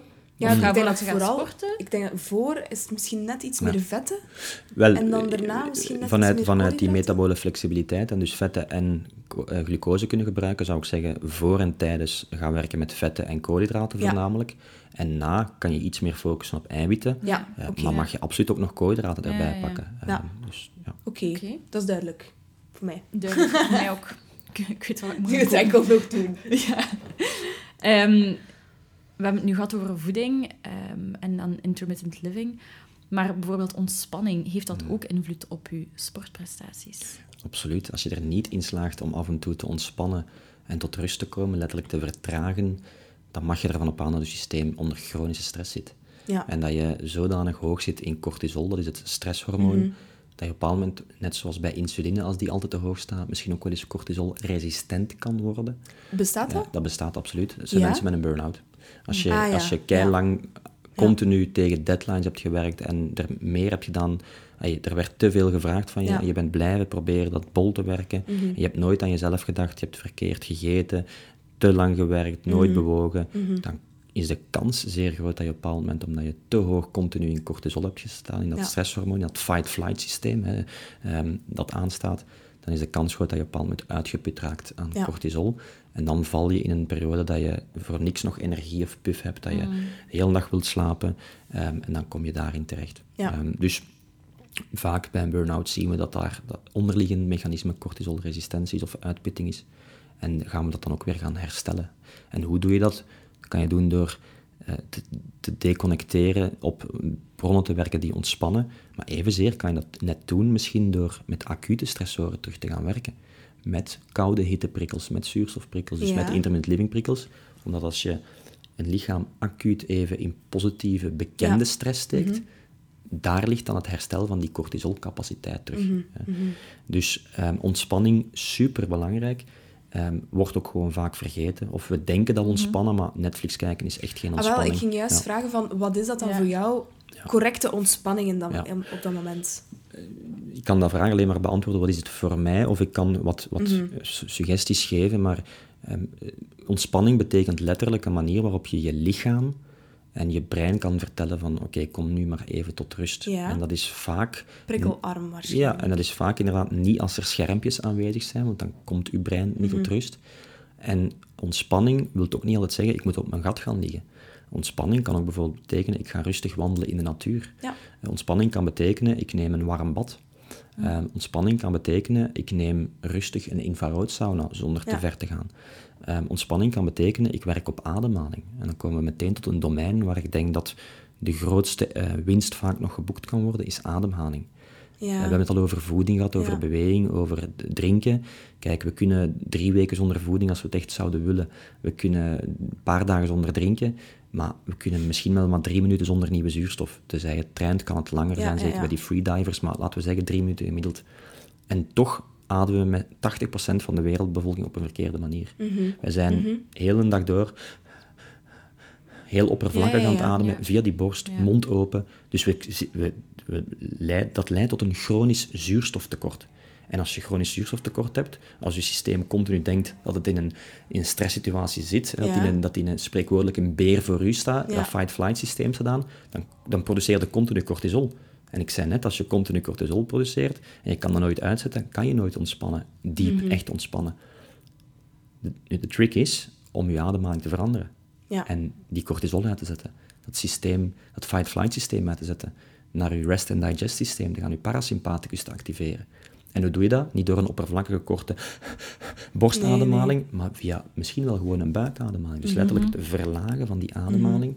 Hè, bijvoorbeeld gewoon hand op de buik eens leggen, diep inademen, de buik gaat naar, naar voren en uitademen. En ga dan bijvoorbeeld al eens via de neus inademen. Dat filtert trouwens ook nog veel meer stofjes en zo verder. Ehm, ga dan bijvoorbeeld even één tel wachten om dan pas uit te ademen. Ga iets langer uitademen dan inademen. Allemaal technieken die onmiddellijk voor ontspanning zorgen. Omdat er zoveel stofjes vrijkomen die tot Ja. ontspanning kunnen zorgen. Omdat je letterlijk je, je zenuwstelsel activeert dat voor ontspanning mag zorgen en kan zorgen. Ehm we kunnen daar heel ver in gaan. Je hebt duizend en één ademhalingstechnieken. Zoek er een die voor jou werkt, die voor jou Ja. eh, werkt. Ga daar terwijl wat, wat visualisatietechnieken bij passen, wat mindfulness-technieken bij toepassen. You name it. Hè. Sommige mensen ontspannen heel sterk door met, met etherische olie of met kaarsen te Ja. werken. Ja. Ehm, door te tekenen s'avonds of nog te knutselen of, of te puzzelen. Er zijn duizend één ja. manieren, maar ik kan je wel zeggen dat ademhaling, bewust gaan ademen, soms misschien wat dieper en langer gaan ademen, dat daar waarschijnlijk al een sleutel ligt tot heel veel winst. Uw staat van zijn, hoe dat je in het leven staat, sta ik continu aan in die sprintstand of sta ik in mijn kracht, in balans, in die bestuurdersstoel, die is gewoon rechtstreeks te beïnvloeden door ademhaling. Ja, ik, ik ga daarmee akkoord. Ik denk dat ademen... Iedereen doet het. Use it. Allee, ik denk Ja. dat dat, dat is zo'n ja. underrated Ja. tool. Niet normaal. Ja. En het is zo simpel. Ja, staat van zijn, maar ook gewoon gezondheid. Als je ziet, eh, wereldwijd, mensen die verkeerd ademen, die hebben gewoon chronische klachten, chronische ziektes. Dus als je die ademhaling verandert, zie je vaak al dat die klachten wegvallen. Zelfs mensen die gewoon binnenkomen met hoofdpijn, dan zie je van, ja, die zijn zo aan het ademen. Mhm. Mens- mensen met lage rugklachten, eh, met slaapproblematieken, die ademhaling is daar heel vaak aan gelinkt. Ehm, dus als je dat kan veranderen, dan ben je al een heel goed weg op eind. eh, Een eind op goede weg. Oké, ik vind het vrij interessant. Ja, pff, zou je nog uren kunnen blijven, maar... Ehm, iets waar ik het ook nog over wil hebben in verband met sport en uw sportprestatie is routine. Heeft dat daar invloed op en hoe? Absoluut. Ik denk, ehm, als we het hebben over gewoontes, en we hebben bewust of onbewust in 2022 toch wel wat slechte gewoontes soms. Dat kan gewoon te vaak op een dag eten zijn, of te suikerrijk, of die Netflix s'avonds altijd opzetten en zo verder. Dat als we een nieuwe gewoonte willen creëren, dat dat, bijvoorbeeld Dr. Joe Dispenza, die zegt dat duurt acht weken. Dus als je acht weken iets volhoudt en dat dagelijks bijna kan doen, of dagelijks doet, dan heb je na acht weken die gedragsverandering, die nieuwe gewoonte Acht geïnstalleerd. weken, ah ja, oké. Zijn theorieën die zeggen 30 dagen. Ja. Ik, ik, ik zeg specifiek, Dr. Joe Dispenza zegt 8 weken. Dus toch wel een, een Ik ben er neurowetenschapper. Je hebt super er hard letterlijk van. Ik heb er letterlijk er juist nog gezegd. Lees die mensen en boeken, ja, alsjeblieft. ja, of, of inderdaad, hij heeft zoveel YouTube-video's. Dat is echt eh, fascinerend. ja. Eh, Hij legt ook gewoon het neurologische uit achter al die zaken. Dat is fantastisch. Ik ben enorm getriggerd altijd door de waarom-vraag. Ja. Als je bij mij ooit op coaching komt, dan leg ik je altijd uit waarom. Mhm. Dus als je tegen mij zegt, ja, maar een boterham met honing is toch goed? Waarom is dat goed? Als je het mij kunt uitleggen, prima, dan gaan we aan Ja. tafel discussiëren. Ja, ik heb dat ook nodig. Ja. Mm. Ehm, en dus terugkomend op die routines, Ja. ehm, ja, dan kan het voor heel veel mensen wel interessant zijn om bepaalde routines te gaan installeren, eh, die ervoor zorgt dat ze iets dagelijks kunnen gaan doen in de beginfase, dat het een soort van structuur kan zijn waar ze een houvast aan hebben. Routines geven ook gewoon rust soms. Eh, zeker als je kijkt naar onze maatschappij, die vraagt toch wel dat we eigenlijk ochtendmensen zijn eerder dan avondmensen, want om zeven uur s ochtends begint het leven al, om acht uur moeten we op het werk zitten, de kinderen moeten naar school en maar op. Ja, dan wil dat zeggen dat je, als je 's ochtends al iets wilt gaan doen voor die een dag, dat je waarschijnlijk al iets vroeger moet gaan opstaan. Maar dan is die inspanning die je levert om een kwartier of dertig minuten vroeger op te staan, misschien wat ademwerk te doen, eh, bewust te ademen, eh, misschien daar zelfs wat, wat visualisatie bij doen van oké, vandaag zijn dan mijn doelen, ik wil die bereiken. Misschien een ijskoude douche nemen of wat activatie, wat beweging gaan doen. Ja, dan is dat een onmiddellijke winst die dag. Niet alleen aan je productiviteit en energie, maar gewoon, je hebt het gevoel van, ik heb het gedaan, ik moet het er vandaag niet meer gaan tussenplannen, mijn beweging of mijn, mijn ademen. Dus dat geeft ook gewoon heel veel rust. Ehm, dus routines, absoluut goed. Ehm, is er ook een valkuil aan routines? Als je het mij vraagt, wel. Omdat je kan soms zo ver gaan in routines of in structuur, ehm, dat op een bepaald moment niet alleen als het dan een keer niet kan, ervoor zorgt dat je helemaal uit je goede staat van zijn bent. Maar twee, te veel structuur kan ook letterlijk ziekmakend zijn. Als we elke dag alles op dezelfde manier doen, dan is het misschien net eerder iets negatiefs dan positief. Ja. Dus ja, structuur en routines zijn zeker nodig in de beginfase, denk ik, om mensen tot een gedragsverandering Ja. eh, te brengen. Maar op een bepaald moment hou ik er wel van om er gewoon een rotzooitje van te maken. Ja. En om de ene dag s ochtends wel eens een koude douche te nemen, en de andere keer doe ik dat s'avonds laat, of doe ik het gewoon niet. En ene keer eh, vijf dagen in de week gezond te eten, en op vrijdagavond ben ik misschien een keer wel ongezond te eten. Pizza met een fles wijn erbij. Ehm, wel eh, aeroop te bewegen, dus langdurig langzaam bewegen. Een keer een rustig loopje gaan doen, maar evenzeer een keer een eh, crossfit training gaan doen of een boxtraining gaan doen. Ja, ja, ja. Ehm, en ook niet altijd op hetzelfde moment. Als we het bijvoorbeeld hebben heel specifiek over intermittent fasting en de voordelen daarvan. Ja, kijk, als je gezond oud wilt worden, dan kan je eigenlijk niet meer om intermittent fasting heen. Ehm 14 uur wachten tussen je laatste maaltijd en eerste maaltijd zou ik iedereen aanbevelen. Je Zal van nog 14 ja, uur. overnight fasting. Ja. Maar dat gaat al heel veel opleveren voor de meeste mensen. Want vaak eten we om 7 uur en zijn we om 10, 11 uur s'avonds nog aan het snacken. Ja. Dus 14, 10 vasten, ga af en toe naar 16, 8, ga naar 18, 6 zelfs. Maar doe het niet elke dag op dezelfde manier. Want als ik elke dag mijn eerste maaltijd om 12 uur neem en mijn laatste om 8 uur, was dan het voordeel nog van vasten. Een van de grote voordelen van vasten is net dat ik mijn lichaam eh, trigger met soms wat honger of soms net eh, wat onverwachts prikkel. En als het altijd weer op dezelfde manier is, verlies ik een stukje de effectiviteit. Mijn lichaam past zich dan te snel aan. Als ik het hele jaar door koud afdouche op dezelfde manier, dan gaat het mij waarschijnlijk niet meer uit mijn comfortzone halen. Dus Ja. verlies ik Ja. effectiviteit. Dus vandaar durf ook maar in routines spelen, flexibel zijn. drie weken op vakantie is helemaal niks doen en dan weer terug herpakken. En dan ga je merken dat het even moeilijk is, Ja. want daar ligt dan weer een stukje gezondheidswinst. Ja. Ja. Ik wil daar twee dingen op zeggen. Het eerste is van die intermittent fasten heb ik ook al gehoord dat, dat er verschillen... Je lichaam gaat ook door verschillende stadia. En je hebt Fases, ook ja. verschillende ehm, gezondheidsvoordelen als je een keer 16-8 doet of als je een keer 12 uur vast in de plaats of een keer 22 uur. Blijkbaar bereikt dat dan verschillende aspecten van je lichaam. Ja. Dat klopt. Ja, ik juist? ja, ja, dat klopt absoluut. Nu, 12 uur vasten, ik denk niet dat je heel veel voordelen gaat hebben, want dat is voor mij zelfs niet vasten. Je hebt, je hebt gewoon al bijna 13 uur nodig om je, alle systemen in je lichaam tot rust te brengen. Ja. Maar wat, dat je, wat dat je correct aangeeft, is dat als je, eh, ik zeg maar iets vanaf 12, 13, 14 uur, zit je in die fase, Ja. kan je je vetten al aanspreken. Dan ga je op een bepaald moment eh, naar ketonenproductie, dus eh, Ja. eigenlijk iets dat ontstaat uit die free fatty acids. Ehm, en dan ga je op een bepaald moment over naar autofagie, dus het recyclage van oude cellen. Dus ja, je doorloopt daar een aantal fases in. Nu, het, je hoeft daarom niet altijd 18 of 20 uur Nee, te gaan vasten. dat- mhm. Als je bijvoorbeeld zelfs gewoon gaat bewegen. Want als ik ga bewegen in een 16 uur vast en ik doe dat heel intensief, dan ga ik mijn lichaam sneller dwingen tot Ja. bepaalde voordelen. Oké. Nog een voordeel te meer waarom Ja. dat nuchter bewegen soms Ja. wel interessant kan zijn. Kijk, nuchter bewegen, en dan hebben we twee mooie voordelen van vasten en bewegen samen. Als ik nuchter ga bewegen, s ochtends voordat ik eet bijvoorbeeld, dan ga ik ervoor zorgen dat ik heel die dag lang veel minder insuline nodig heb om mijn bloedsuikerspiegel stabiel te houden. Nuchter bewegen zorgt er dus letterlijk voor dat ik veel minder bloedsuikerspiegel schommelings, dus Ja. energieverlies doorheen die dag heb. Ja. Ehm, ja, dat alleen al is voor mij genoeg om met nuchter bewegen aan de slag te gaan. Mhm. Eh, naast alle energiecentrales en noem maar op die geactiveerd worden, naast brain-derived neurotropic Ja, ja, factor. ja. eh, dus wat. Oké, en het tweede dat ik wou zeggen ging over die routines. Dat ik denk dat het wel belangrijk is om ook niet te streng te zijn voor jezelf. En, want ook bij sporten, het moet leuk zijn. En als je het een keer niet doet, dan is het, mocht je niet zo streng zijn en niet denken van oh nee, ik heb me nu niet geweest en dat wil zeggen dat ik dit ga hebben. En, en dat zal waarschijnlijk ook niet helpen. Absoluut Het geeft niet. ook stress, denk ik. Hè? Absoluut, eh, dat is het net. Hè. We hebben het vandaag al heel veel gehad over fysieke stressoren. Van verkeerd Ja. eten, te weinig bewegen, tot moderne stressoren zoals e-mails Mhm. en deadlines. Maar onderliggend wat er in je lichaam gebeurt, onderliggende emoties, Ja. eh, overtuigingen, ik ben niet goed genoeg. En als ik niet ga sporten, dan heb ik nog een mislukte dag. Mhm. Of taalgebruik, eh, wat dat je tegen jezelf zegt elke Mhm. dag. Ja. Dat zijn zaken die ook ziekmakend kunnen zijn, die ook voor chronische stress kunnen zorgen. Dus emoties, angsten, taalgebruik, herinneringen, ervaringen moeten we ook altijd meenemen in het hele Ja. verhaal. Ja. Ehm, en daarom is het belangrijk dat, je, dat zelfzorg, maar ook zelfliefde aanwezig is. En dat het prima oké is om eens een dagje rustig aan te doen. En er komt na, na de ene dag weer altijd een nieuwe kans de volgende dag. Eh, en is het die dag nog, dan is het de dag erna.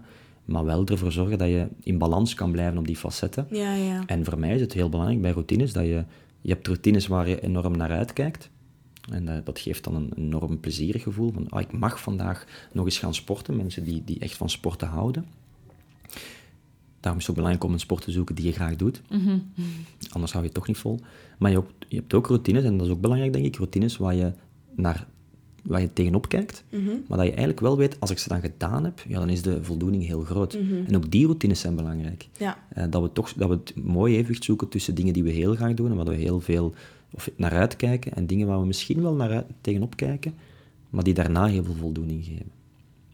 Ja, en ik denk dat die balans, ja, dat gewoon echt belangrijk is. Dat je Mhm. ja, iets doet dat je graag doet en dat je, dat je wel... eh, Allee, het helpt waarschijnlijk wel om te weten, ik doe dit daarom en dat zal mijn uitkomst zijn. Maar je mocht gewoon ja, je mocht niet te streng zijn voor jezelf.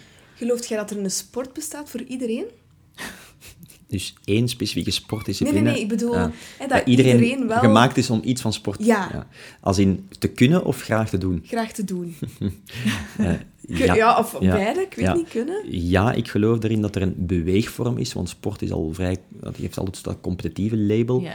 Ehm, beweging is ook prima. Hè. Ja. We gaan Ja, ja, wandelen, eh, eh, ja, noem we gaan fietsen, verplaats je met de fiets. Dus ja, ik geloof daarin. Eh, maar het gaat soms wel om een lange zoektocht. Ja. Het gaat eh, eerst en vooral om die why vinden. Waarom zou ik willen gaan bewegen? Of waarom ga ik überhaupt bewegen? En dan de ervaring. Hè. Ik, ik- soms ga je wat dingen moeten experimenteren om te voelen van, ah, dat doe ik graag. En misschien wel langer vol te houden dan twee weken. Want we, Ja. hebben net gezegd dat eer dat er echt iets in je patroon komt, een Mhm. nieuw gedrag, dat het wel acht weken misschien kan duren. Ja. Ja, ik heb zo het gevoel dat soms hè, ehm, heel veel mensen gaan zo de klassiekers, hè. lopen, fietsen, zwemmen of weet ik veel wat. Maar er zijn zoveel dingen, like bijvoorbeeld ik squash super Ah graag. ja, super. Maar als je dat intensief doet, hey, Pittig. allee, Mm. kun je echt wel... eh, ja, het is... Ja.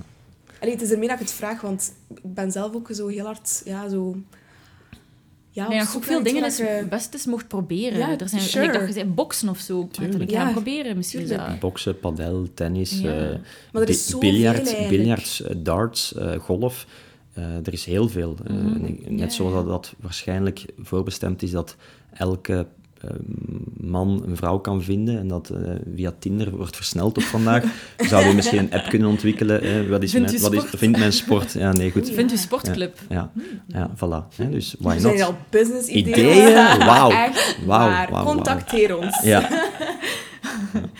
Nee, dus ja, absoluut. En als het niet lukt omdat je bijvoorbeeld niet mobiel bent, hè, want je hebt mensen die, Ja. die niet kunnen bewegen, ja. Mhm. dan zijn er ook manieren om gezond te blijven. We- Als we het dan weer terug even hebben over sauna, eh, de effecten die er ontstaan in een sauna, is alsof je aan het sporten bent. Dus eh, de- dezelfde... Sauna's gaan niet Pro Ja, ja, ja. Ehm, ze mogen mij altijd contacteren. Ehm, nee, maar dus effectief, eh, de, de, de cellen worden blootgesteld eh, aan hittestress en dat heeft eigenlijk hetzelfde fysiologisch effect op cellen dan lichaamsbeweging. Daarom dat mensen met, met heel zware obesitas, die, die niet meer uit hun stoel geraken, zet die gewoon de sauna in. En nog andere dingen natuurlijk, maar... Ja, ja, ja. Oké. Als je het zo zou mogen ehm, samenvatten, ehm, hoe vaak zou jij zeggen dat iemand moet bewegen per week om Het was een 300 basis... minuten zeker. Ja, maar is, zei dat toch wel Ah, ja, was. was Dus ik wil wel graag weten wat dat uw aanbeveling is. Ik hou niet zo van het woordje moeten, maar ik zou iedereen uitnodigen om eh, vaker te gaan bewegen, maar vooral vaker overdag te gaan bewegen. Overdag, Van ja. mij hoef je echt niet naar die 300 minuten te streven, of die 150 minuten per week zelfs. Want daar kan je eigenlijk ook gewoon je verplaatsingstijd, als je wandelt naar de supermarkt, zit daar dan bijvoorbeeld ook in.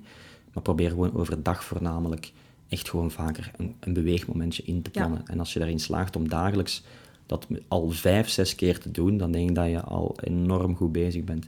En dat beweegmomentje mag dus letterlijk een minuut duren, zolang het dus maar de hartslag voldoende verhoogt, dat je even buiten adem bent op die ademtrap. Mhm. En wie heeft er nu geen minuut? Ja, ja, het gaat om prioriteit. Ja, Eh, het let's be honest. Ja, dat is waar. Maar als je, daar, als je dat een week... eh, Mijn uitnodiging is eigenlijk he- he- heel simpel dit. Ga eens een week aan de slag met het geregeld onderbreken van je, van je zittijd. Als je zittend beroep hebt, probeer om het uur even die zittijd onderbreken te doen. Ga dat eens vijf dagen, vijf werkdagen volhouden. En kijk eens wat dat met je gedaan heeft. Naar productiviteit, naar energie. Naar, Ja, ehm, en dan denk ik dat je daar waarschijnlijk al de basis legt van een nieuw gedrag. ja. oké. En dan onze allerlaatste vraag, Siebe, dat is, wat is zonder zever leven voor u? Wat wil dat zeggen? Puur leven. En dat wil zeggen, leven op een manier dat we ons brein, dat zo vaak overprikkeld is, is wat meer rust geven. En dat we ons lichaam, dat vaak onderprikkeld is en blijft, wat meer gaan prikkelen op een goede manier. Ehm, en dan hou ik er wel van om dat eh, in connectie met natuur te kunnen doen. Ja. Ehm, heel puur, eh, in het groen. En, eh, voor mij het meest fantastische, geen zever, mijn moment is als ik in de, in de herfst- en wintermaanden ergens in een open meer of vijver of kanaal gewoon in het koude water stap, eh, nadat ik misschien zelfs wat geademd heb en gewoon de natuur zie. En daar kan ik echt zodanig... eh, dan, dan ja, speelt tijd geen rol meer. Dan heb ik gewoon geen tijdsbesef niet meer. Dus dat is voor mij eh, zonder zeven. Zonder zever leven. Mooi. Mooi. Ja, Ja. heel mooi. Ik vond het, eh, we vonden het een eh, heel interessante aflevering. Het heeft echt eh, ja, een heel mooie aanvulling op de aflevering van Paul van den Bos. Ehm, En Lieven. dus- ja, en Lieven. Mag, ik nog, Ehm, mag ik nog een vraag aan jullie stellen? ja, hoor. Dan moet je niet knippen hoor. En als, als jullie één woord overhouden aan deze podcast, wat is dat dan? Amber. Nu staan wij zo'n keer met ons mond vol tanden. Ik zou zeggen... Actionable. Ik heb echt goesting om nu dingen te gaan doen. Ja, Nice echt wel. one. Ja. Maar echt, hè? ja. Nice nu one. niet omdat, Ja. omdat jij hier nu zit of zo. Ja. ja.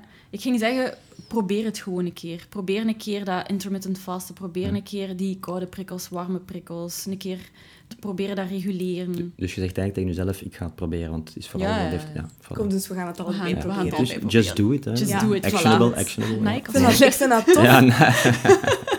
Ik vind het tof dat er een keer ooit keer iemand een vraag aan ons stelde. Ja, allee, fantastisch, fantastisch. Dus merci daarvoor. Ja, En, en dan verder ook, ja, ehm, waar kunnen ze jou vinden misschien? Ja. Ja. en jouw boek? Ja, het boek zal in november in de rekken liggen via Borgerhof. Dat zal ook wel via mijn webshop en zo te koop zijn. Ja, zullen we linken. voilà. Ehm, ik denk, ja, fysiek vind je mij vaak in Melle, in het KPNI-huis, voor coaching, begeleiding, van één-op-één coachings tot halve dag workshops die we nu gaan opstarten, koude en hitte workshops, ademhalingsworkshops, Ehm, groepstrajecten. Wij geven een paar keer per jaar ook een week, volledige week of, of vijf dagen in de Ardennen, waar we echt eh, mensen resetten, en dat bedoel ik letterlijk.